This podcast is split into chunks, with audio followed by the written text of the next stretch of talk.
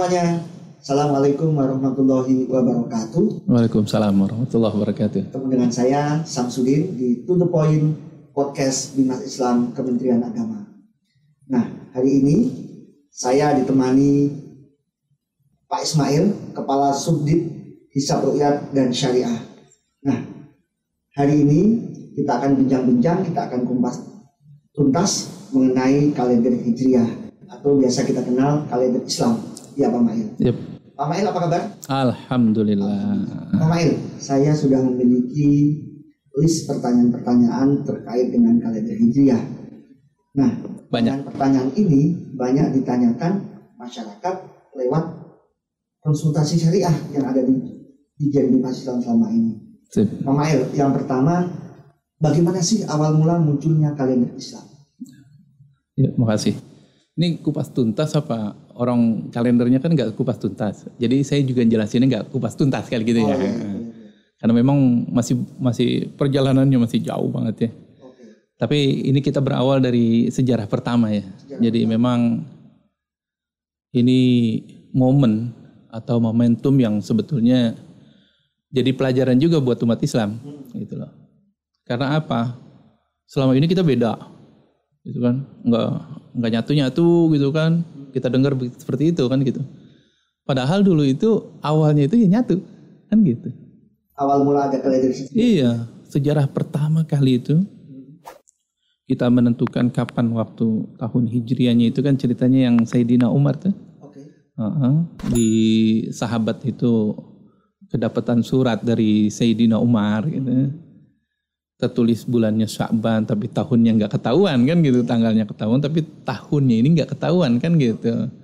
Akhirnya Abu Musa al-Ash'ari itu bersurat lagi ke Sayyidina Umar agar persoalan ini bisa diselesaikan kan gitu. Dan alhamdulillah ya, walaupun perbedaan pandangan pasti ada saat itu pendapat apa yang sahabat pengennya ini, sahabat pengennya ini, sahabat pengennya ini. Semuanya mempunyai argumen dan analisis yang yang beragam dan kuat kan gitu. Tapi alhamdulillah saat itu akhirnya bisa dicapai. Kapan itu tahun satu hi? Satu. Iya. Nah itu sebetulnya yang jadi momentum bagus untuk sekarang gitu loh. Momentumnya apa itu? Sebagai kesepakatan. Ya itu maksud saya walaupun berbeda pendapat gitu loh. Tapi kalau untuk umat, untuk kemaslahatan saya pikir kita bisa lah. Bisa nyatu lah. Saya saat itu ketemu tanggal tahun satu Satu Hijriah. Hijriah. Kan sudah ada ya kalender eh, Masehi tentunya. Sudah, sudah. Tapi di Arab sana tidak pakai Masehi ya. Tidak, karena memang Arab juga punya sendiri kan. Sendiri. Dia punya sendiri kalender yang berjalan saat itu tapi memang tidak murni apa sebelum pra-Islam ya, sebelum pra-Islam itu memang sudah sudah punya kalender tapi ada penambahan di apa penambahan satu bulan untuk apa namanya itu eh, penyesuaian penyesuaian. Nah, di dalam Al-Quran itu akhirnya dikritisi sehingga penyesuaian itu an-nasai itu itu nggak nggak di- dihilangkan gitu loh. Karena terkadang itu dipakai buat politik apa namanya orang-orang Arab untuk iya Oh, ya heeh, seperti itu jadi akhirnya lewat Al-Quran Allah memerintahkan agar bulan atau kalender yang dipakai itu 12 bulan tidak ada lagi penambahan-penambahan gitu. Nah, kita agak flashback ke belakangnya di zaman Nabi. Hmm. Sebetulnya apakah Nabi itu sudah memprediksi ya akan ada perbedaan pendapat tentang penentuan awal bulan Komariah ini? Kalau prediksi perbedaan mah memang sudah ada tuh kan. Ya, tapi kalau untuk khusus di kalender itu enggak ada. Ada. Nah, karena memang Rasulullah itu menjelaskan bahwa bulan yang dipakai di dalam Islam itu atau umur bulan gitu lah. Rasulullah itu dijelasin bisa 30, bisa 29, bisa 30, 29. Dan ternyata secara saintifik memang umur bulan secara sinodik itu 29 setengah kan gitu. Oh, Jadi bisa digenapkan, bisa memang dua, 29. Nah ini tuntunan Rasulullah ini yang hebat sebetulnya gitu. Kita tidak tahu. Iya, itu loh. Jadi umur umur bulan yang seharusnya memang bisa 29 apa karena peredaran bulan 29 setengah. Jadi dia bisa 29, bisa 3 30. Nah, makin menarik nih Pak Ismail. Sebetulnya bagaimana cara penentuan awal bulan pada zaman dahulu? Zaman, awal, zaman Rasul. iya, penentuan awal bulan itu. Kalau kita kan sudah ada kalender sekarang, jadi Iya. sudah enak. Tinggal Ada kalender juga, ada isbat juga. Ada isbat. Ah, ah. jadi kalendernya ada, isbatnya juga ada. Lalu zaman Rasul bagaimana kan gitu ya? Betul. Ya memang apa yang kita lakukan ini ya mengikuti ya apa yang disampaikan oleh Rasul. Apa Gitu. Jadi Rasulullah itu untuk awal-awal bulan yang lainnya memang apa sudah ada berjalan secara hisab kan gitu. Jadi kalender memang sudah ada saat itu kan. Mm-mm. Gitu. Nah terus untuk bulan-bulan tertentu mendekati Ramadan, mendekat Syawal dan yang lainnya itu Rasulullah lebih hati-hati gitu, lebih hati-hati. Lebih hati-hatinya bagaimana? Jadi dari kalender yang sudah ada Mm-mm. Itu dipastikan sekali gitu lah. Caranya seperti apa? Karena kalendernya berbasis bulan hilal, Hilal. maka otomatis penentuannya itu berdasarkan hilal. Oleh karena itu, karena hilalnya berarti wajib di, dilihat. Oke. Nah, di, di- apa namanya? Dipastikan bahwa hilal itu benar-benar bisa bisa tampak, bisa dilihat. Oke. Oleh karena itu dia Rasulullah menyuruh sahabat Mm-mm. Yang lihat hilal maksud ru'yatul hilal. Nah, Mael, kalau saat ini kan sudah banyak tuh alat-alat yang canggih-canggih ya. Artinya melihat bulan tuh eh, kita pakai alat. Kalau zaman dulu pakai apa ya? Pakai mata telanjang, Mata telanjang bugil, bugil, gitu. mata bugil gitu. Oke. Nah, bugilnya bukan berarti konotasinya jelek. Iya. Ntar orang bilang mata telanjang, bilangnya juga enggak. Maksudnya mata telanjang itu tanpa al, tanpa alat bantu, jadi langsung melihat begitu aja. Itu. Tapi bisa diprediksi kalau zaman Rasulullah itu orang-orang Arab nih khususnya, orang-orang Arab itu kan mereka ahli-ahli di bidang di bidang apa astronomi. Karena apa kebiasaan apa ya habitnya gitu loh. Jadi kalau saya mau jalan ke sini, saya harus melihat apa bintang apa bintang apa. Nah, begitu pula bulan. Bulan pun zaman Rasulullah, para sahabat itu sudah hafal pergerakannya besok ini ada di belah mana di mana, sebelah mana gitu. Itu hebatnya orang dulu. Jadi Dan dia Heeh, ingatannya kuat ya. betul. Dan memang udah kebiasaan, Kebiasaan. kebiasaan. Jadi nggak nggak nggak pakai teknologi apa eh, teropong Heeh. buat alat ngintipnya itu. Kayak sekarang itu ya, Iya. ya.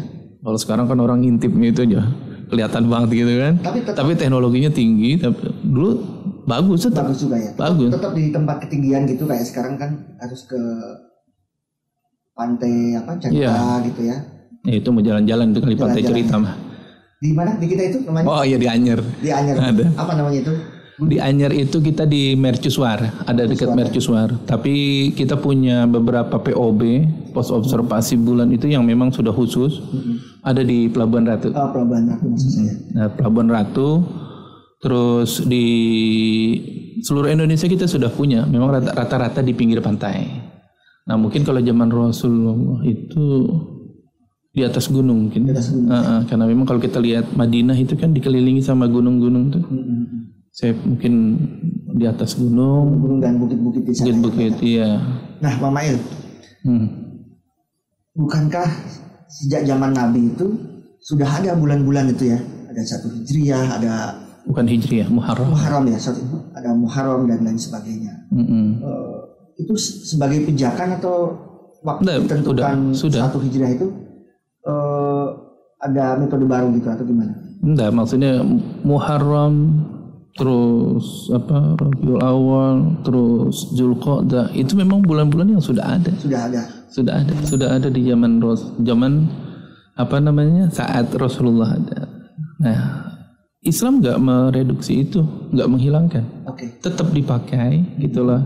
Cuman tadi yang penambahan ini yang enggak nggak dipakai gitu loh Penambahan satu bulan. satu bulan jadi 13 gitu kan. Nah, itu nggak dipakai. Itu tetap kita berjalan di 12 12 bulan. Di Indonesia banyak sekali metode penentuan awal bulan Komariah. Menurut Pak Mail, mana yang paling akurat? Nah, ini bagus. Eh, jadi gini, mana sih yang akurat dari seluruh hisap yang ada? Kan gitu. Ya, karena memang berkembang di Indonesia itu dari sistem hisap aja itu lebih dari 25 sistem hisap. 25 sistem hisap. Lebih. Contohnya apa aja tuh? Jadi dari mulai kitab yang saya urutin ya nih, dari mulai kitab Sulamun Airoin, Oke. terus Fathur Raufil Manan itu hisab takribi, tapi tetap itu sudah sudah akurat pada zamannya kan gitu kan. Terus melanjut ke Al Khulasatul Wafiyah kan gitu. Ini kitab-kitab ditulis oleh Ulama kita. ulama Indonesia. Dahsyat itu, biasa. dahsyat, dahsyat. Memang ulama kita ini makanya saya juga senang itu dengan para ulama dulu itu. Jadi bukan hanya sekedar apa namanya eh, ahlinya itu dibantu, tapi kalau ini benar-benar ahli karena apa? Alat bantunya itu otak, Oh, bukan kayak kita sekarang. Kalau kita sekarang udah ada laptop, Sudah ada laptop. udah ada Aplikasi. aplikasi. Iya untuk menghitung mudah sekali. Tapi kalau orang dulu nurunin jis gitu nurunin tabel astronomi itu kan dengan apa literatur yang cuman beberapa doang gitu kan. Tapi mereka bisa menulis kitab-kitab itu udah udah apa namanya udah akurat.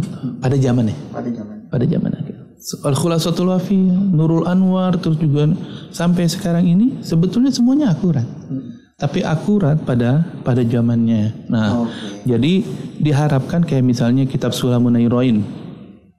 S- Dulu akurat. Lalu kalau sekarang gitu loh. Jiroh dari ulama penulisnya yang seharusnya ditanamkan pada orang-orang yang memakai kitab sulam sekarang ini. Oke. Sehingga apa? Jadi kalau memang dulunya itu beliau menulis kitab maka para penggunanya itu yang harus menulis kitab dengan pembaharuan-pembaharuan menyesuaikan dengan kondisi yang yang terkini kan gitu. Oke, oke. Nah terus bagaimana yang lainnya? Yang semuanya sama, semuanya akurat, akurat semuanya kalau untuk hisap. Karena apa? Untuk sekarang itu semuanya sudah didukung dengan teknologi, perhitungan dengan kalkulator, perhitungan dengan komputer. Jadi memprediksi bulan itu dengan hisap udah akurat, Sudah akurat ya. udah akurat. Nah cuman memang perbedaan itu adanya di kriteria. Di kriteria. Betul. Kriteria itu yang jadi persoalan itu. Seperti yang kita dengar setiap mau awal sawal, awal Ramadan. gitu ya. Iya betul. Itu yang terkadang bikin ya bikin gemes juga ya. Tapi memang itu yang terjadi di di di Indonesia gitu loh. Perbedaan kriteria. Tapi sebetulnya bukan di Indonesia doang sih. Oke, Pak Mail. Nah, tadi soal perbedaan-perbedaan ya dan perbedaan metode ya. Nah, sebetulnya bagaimana sih dasar perbedaan kaidah fikih yang dipakai setiap ormas sehingga ada perbedaan awal bulan yang ditentukan. Kita tahu kan setiap mau sawal gitu ada yang lebaran hari apa? Hmm. Ada yang puasa hari ini, besok gitu di sawal itu ada yang lebaran hari ini, ada yang besok bahkan ada yang lusa gitu. Iya. Gimana Pak Mail? Ini saya juga bingung tuh kalau ngelihat perbedaan fikih. Kalau fikihnya sebetulnya sudah nyatu sebetulnya. Iya, jadi eh, fikih-fikih yang ada kalau saya lihat dari seluruh mazhab gitu loh. Kalau pemerintah sudah menentukan maka otomatis dia harus harus ikut. Harus mengikuti. Nah, tapi mungkin ada interpretasi terhadap ulil amri yang harus diikuti. Itu tuh yang jadi persoalan. Soalnya justru di situ ya. Iya, ulil amrinya ini siapa? Selalu pertanyaannya seperti itu. Ulil amrinya ini siapa? Padahal ya sudah jelas kan gitu. Dan di dalam fikih itu sebetulnya mudah sekali kalau memang kita mau unifikasi gitu loh. Penyatuan kali. Penyatuan kalender cukup seperti negara-negara lain. Kalau pemerintah sudah menentukan, ya sudah pakai aja. Nah, kalau kata orang Singapura, saya pernah kan eh, kita ini ada apa? Ada kegiatan, kegiatan itu yang mengumpulkan pertemuan ahli falak apa? Eh, Mabims, Mabims. Itu. Itu ahli falak dari Malaysia, Singapura, Brunei, Indonesia, itu kan kumpul tuh. Nah, beliau sampai bilang ya istilahnya kalau sekiranya bisa bersatu gitu kan. Terus menanggalkan kriteria-kriteria masing-masing gitu kan. Dan menentukan dan mengikuti pemerintah nggak berdosa gitu lah gitu lah Nah, saya jadi pengen tahu nih, kalau di Indonesia kan ada perbedaan setiap ada momen-momen eh, Lebaran gitu ya. Sebenarnya di negara lain ada nggak sih seperti di Indonesia ini? kalau perbedaan mah ada Ada. ada jadi misalnya kelompok tertentu gitu kan, tapi mereka nggak di blow up gitu loh, dan mereka tidak memunculkan diri gitu loh. Kayak Ya. di Arab Saudi itu Ada, satu mana? ada, Ada juga ya? ada, ada di Malaysia juga, di mungkin di- semuanya kalau menurut saya ada, cuman mereka memang bikin komunitas sendiri aja yang tidak ini dan memang ada larangan, Oh ada larangan. ada larangan. Nah kalau kita kan nggak mungkin, Kalau ada larangan biasanya ada sanksi tuh. ya itu masa ya istilahnya yang kagak sholat aja banyak gitu kan, Iya, itu Ya, sudah masa di Iya, sanksi gitu. disangsikan mah gara-gara netapin kan itu juga nggak mungkin. Tapi ya kita sih berharap sih, mudah-mudahan ke depannya sih bisa. Gitu. Iya, iya. Ini makin menarik nih. Jadi sebetulnya eh, perjalanan sejarah penentuan awal bulan Komariah di Indonesia itu eh, harus akui ya banyak yang kontroversial ya. Nah, bagaimana Pak Mail melihat dinamikanya ini? Ya saya sampai saat ini saya melihatnya itu ya sebuah perbedaan itu ya memang keniscayaan gitu loh. Dan memang di Indonesia khususnya ini sesuatu yang apa? Sesuatu yang bagus juga sih ya dalam masalah kerukunan apa namanya antar kita gitu kan antar ormas gitu kan. Masih terjaga gitu loh masih aman lah posisinya. Karena memang perbedaan itu keniscayaan. Tapi ada satu statement yang bagus itu sebetulnya. Apa itu?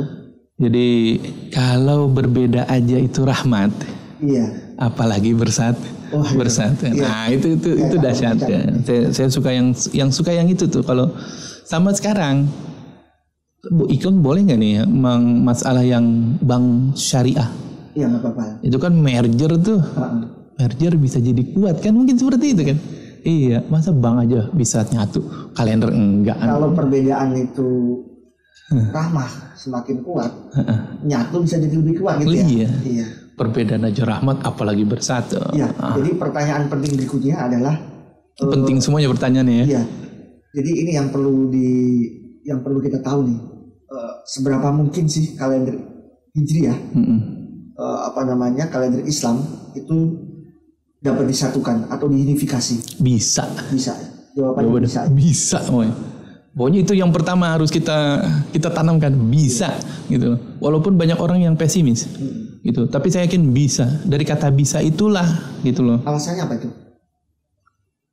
tanpa alasan tapi saya yakin bisa gitu loh. Oke oke. bukan alasan sih ya. Maksud saya kata-kata bisa itu harus ditanamkan di awal. Oke. gitu loh. Walaupun banyak pandangan yang pesimis kan gitu kan. Nah kenapa kalau kita ngucapin bisa berarti kita ada usaha terus? Oh, kan gitu. Iya. tapi kalau kita sudah pesimis ya sudah. Walaupun saya tahu perjalanannya panjang. Tahu nggak Mas Sam? Heeh. jadi saya dari Pak Thomas nih Mm-mm. Pak Thomas itu ketua kepala 8 Thomas I- Jamaluddin. ya? Thomas Jamaluddin Oke. beliau itu bilang bahwa untuk menyatukan Mm-mm. kalender Masehi Mm-mm. sampai sekarang kita rasakan bisa satu Heeh. itu butuh waktu 900 tahun coba 900 tahun. coba Berarti masih lama dong. Iya iya iya iya. iya. kita jangan Kan kita nggak usah ikut ikutan namanya tim apa? Pakar Falakiyah. ya? iya tim Nah itu tentu dari orang yang eh, mempunyai konsep yang Oh, iya. itu ya tentang hisab, tentang ru'yat. betul Seberapa mungkin kalender hijriah di Indonesia itu bisa disatukan? Itulah makanya saya berharap dari tim-tim yang kita mas- apa kita bisa kumpul bersama mereka gitu kan tim-tim ahlinya itu dari ormas Oh mas, seluruh ormas ada. Mungkin nggak maksudnya saya bukan jadi ormas-ormas yang memang punya kompetensi di bidang falakiyah ya kayak Contohnya? Nahdlatul Ulama Muhammadiyah. Muhammadiyah Persis Dewan Dakwah Al Wasliyah Oke. PUI Al Irsyad Kalau dan dari lembaga profesi ada juga, ya pasti itu. Pasti ya. karena kita butuh dukungan yang apa yang kuat dari apa dari stakeholder yang eh, kayak seperti lapan. Delapan ya, Yang sudah menggunakan sains gitu. Iya, Wah, itu kan penting itu. Iya, siapa tahu nanti ada ada apa namanya? Ada pendapat ya sudah kalau begitu susah kita rukyat pakai satelit. Oh, panggil 8 gitu kan. Iya iya iya. Pak Mael, kalau tadi kita bicara konsep kalender hijriah di Indonesia, kalau di level internasional bisa nggak diunifikasi juga itu? Indonesia aja dulu deh. Indonesia dulu ya. Oke. oke. Jadi Indonesia dulu lalu di Mabims. Mabims. Heeh. Jadi Mabims itu negara-negara Malaysia, Malaysia, Indonesia, Brunei, Singapura. Singapura. Heeh, kita berharap dari gitu stepnya gitu loh. Karena kalau kita lihat kalau di kancah dunia itu kan, wah politiknya lebih lebih kuat juga itu kan gitu. Dan Tapi makin banyak kepentingan ya. ah, ah, kita berharap sebetulnya Indonesia nanti jadi prototipe gitu loh. Karena keberagaman Heeh. luas luas. gitu kan itu jadi prototipe untuk wah ini loh ternyata kalender global gitu, gitu maksudnya maksudnya Iya, iya. seperti itu Iya betul betul. Gitu. jadi Indonesia dulu Indonesia dulu. Indonesia dari segala macam-macam bisa menyatu global mah udah bisa Pak Ismail yakin Hmm. kapan itu bisa terlaksana? nggak bisa Prioritasasi itu. nggak bisa nggak bisa Karena kata Pak Thomas Jamaluddin tadi nunggu 900 tahun. jangan Jangan. itu juga jangan gitu Juga jangan. maksud saya gini Jangan ya. gitu ya. Ah, bisa tapi nggak ketahuan tahunnya karena memang yang yang penting itu usaha usaha di- yang apa usaha yang terencana bagus Oke. gitu kita tetap punya usaha yang istilahnya terencana lah gitu lah step ini step ini step ini jadi memang apa strateginya gitu strateginya itu yang yang di- dimiliki Kementerian Agama itu enggak A sampai Z ternyata Oke oke. bisa A sampai Z Sampai AA ZZ A A A Z Z Z Bi- A plus, pernah lihat plus, gitu ya. pernah lihat yang di Excel kan tuh iya. Oh, itu panjang sekali gitu gitu kayak gitu Atau malah kita rawat aja perbedaan ini. Nggak usah repot-repot gitu. Gimana kalau ada pendapat itu? Ya itu kan pendapat. Iya. pendapat boleh aja. Perbedaan juga memang sebuah keniscayaan gitu kan. Tadi kan itu udah kita udah. Kalau tuh memang ternyata tapi menurut saya saya saya, saya tetap optimis bisa gitu bukan ternyata gitu loh. Karena memang ini sesuatu yang sesuatu yang sebetulnya mudah karena memang kita sudah lihat dari ilmu pengetahuan atau sainsnya sudah sudah disampaikan kan gitu.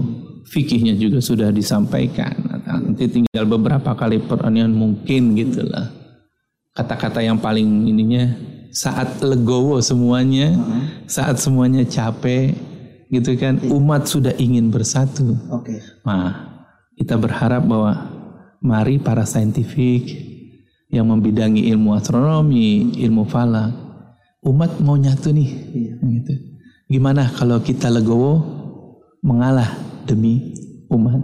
Oke. Ah, itu. Jadi Legowo mengalah demi umat. Ah, ah, saya pengen Iya. seperti itu. Jadi kita doakan semoga suatu saat nanti ilmuwan bertemu dengan pakar-pakar ilmu falak, Mm-mm. kemudian membuat satu konsep tentang unifikasi kalender hijrah di Betul, Indonesia. betul. Mudah-mudahan, mudah-mudahan contohnya dari Indonesia. Iya. Gitu loh semua. Tapi lebih dari itu, apa pun di hari-hari ke depan mau berbeda mau nyatu, yang penting adalah Jadi kerukunan. betul Gitu ya, dan ah, betul dan prinsipnya Kementerian Agama ini adalah melayani umat melayani umat. gitu loh. Jadi ada NU, ada Muhammadiyah, mereka terus ada Persis ataupun ada yang lainnya dan eh, pada posisi mereka misalnya menentukan masing-masing, tapi kan di luar itu juga banyak juga Iya, betul. gitu. Nah, pemerintah di sini melayani melayani kebutuhan umat di bidang kalender hijriyah dan alhamdulillah kita sudah lama gitu loh, sudah lama mempunyai kalender hijriyah yang mapan Mm-mm. gitu loh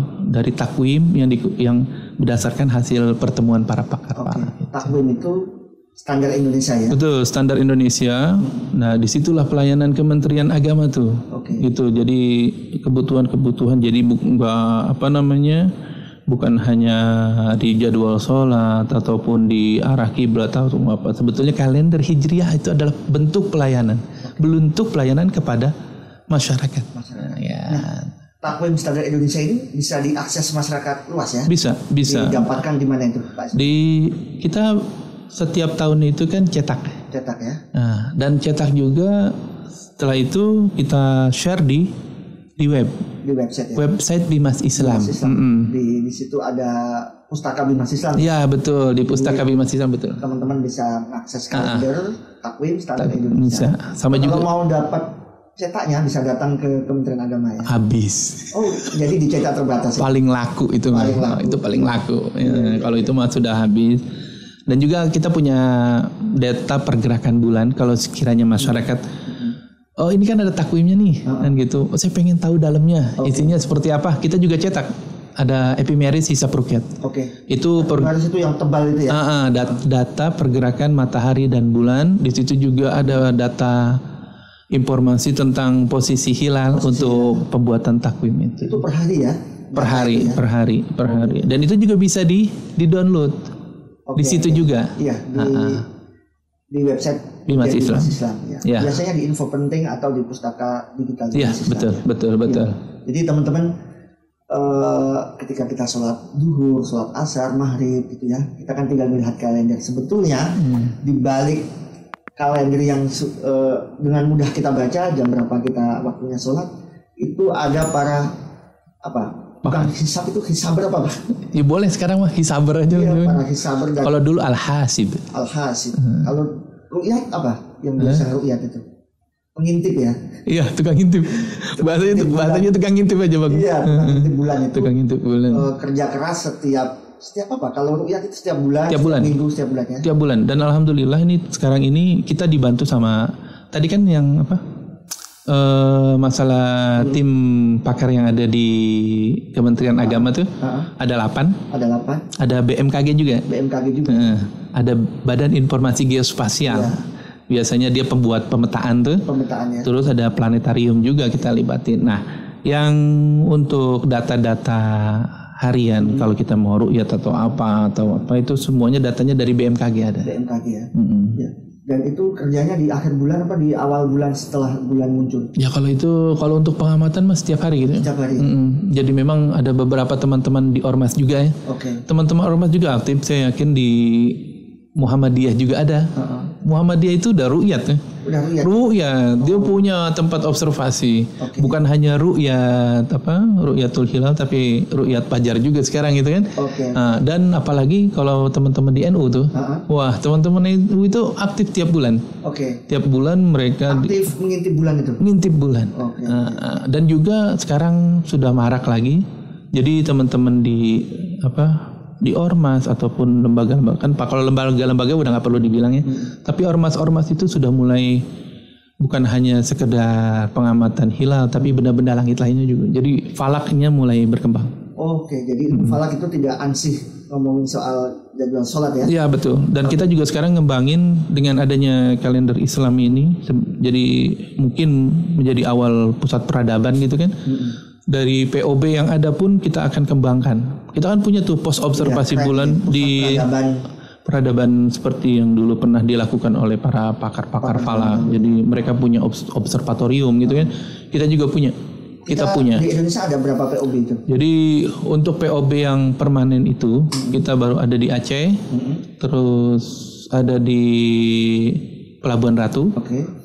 Ada di Jogja nanti kita. Ini ini udah ada rencana Aceh mau dikembangkan lagi, Jogja mau dikembangkan, Oke. ada di Pontianak, ada di Palu, ada beberapa daerah yang eh, sekarang kita mau kembangin untuk POB pos. ya? ah, jadi Pusat observasi bulan, bulan. Pos- Oke. pos observasi bulan, dan juga nanti bisa wisata langit. Wah. Wah, Pos wisata bulan dan dan bisa wisata langit. iya karena memang kan pakai teropong kita bisa ngeliat macam-macam Iya, iya, gitu. iya. keren Sekarang lagi tren tuh ada wisata digital gitu ya. Hmm. Masa pandemi ini kalau kita kangen satu tempat, ya udah pakai yang digital yang virtual. oh gitu Iya, cakep juga itu. boleh boleh boleh nanti saya- buat pengembangan pengembangan selanjutnya memang kita butuh itu sih Baik. sip Pak Ismail terima kasih sudah bincang-bincang di To The Point. oke Kita akan ketemu lagi di tema-tema selanjutnya dan teman-teman semuanya bisa mendownload aplikasi Spotify dan kalau teman-teman pengen lihat video kita berdua lagi ngomong juga bisa mengunjungi channel YouTube di Bimas Islam. Ya, terima kasih. Assalamualaikum warahmatullahi wabarakatuh. Waalaikumsalam warahmatullahi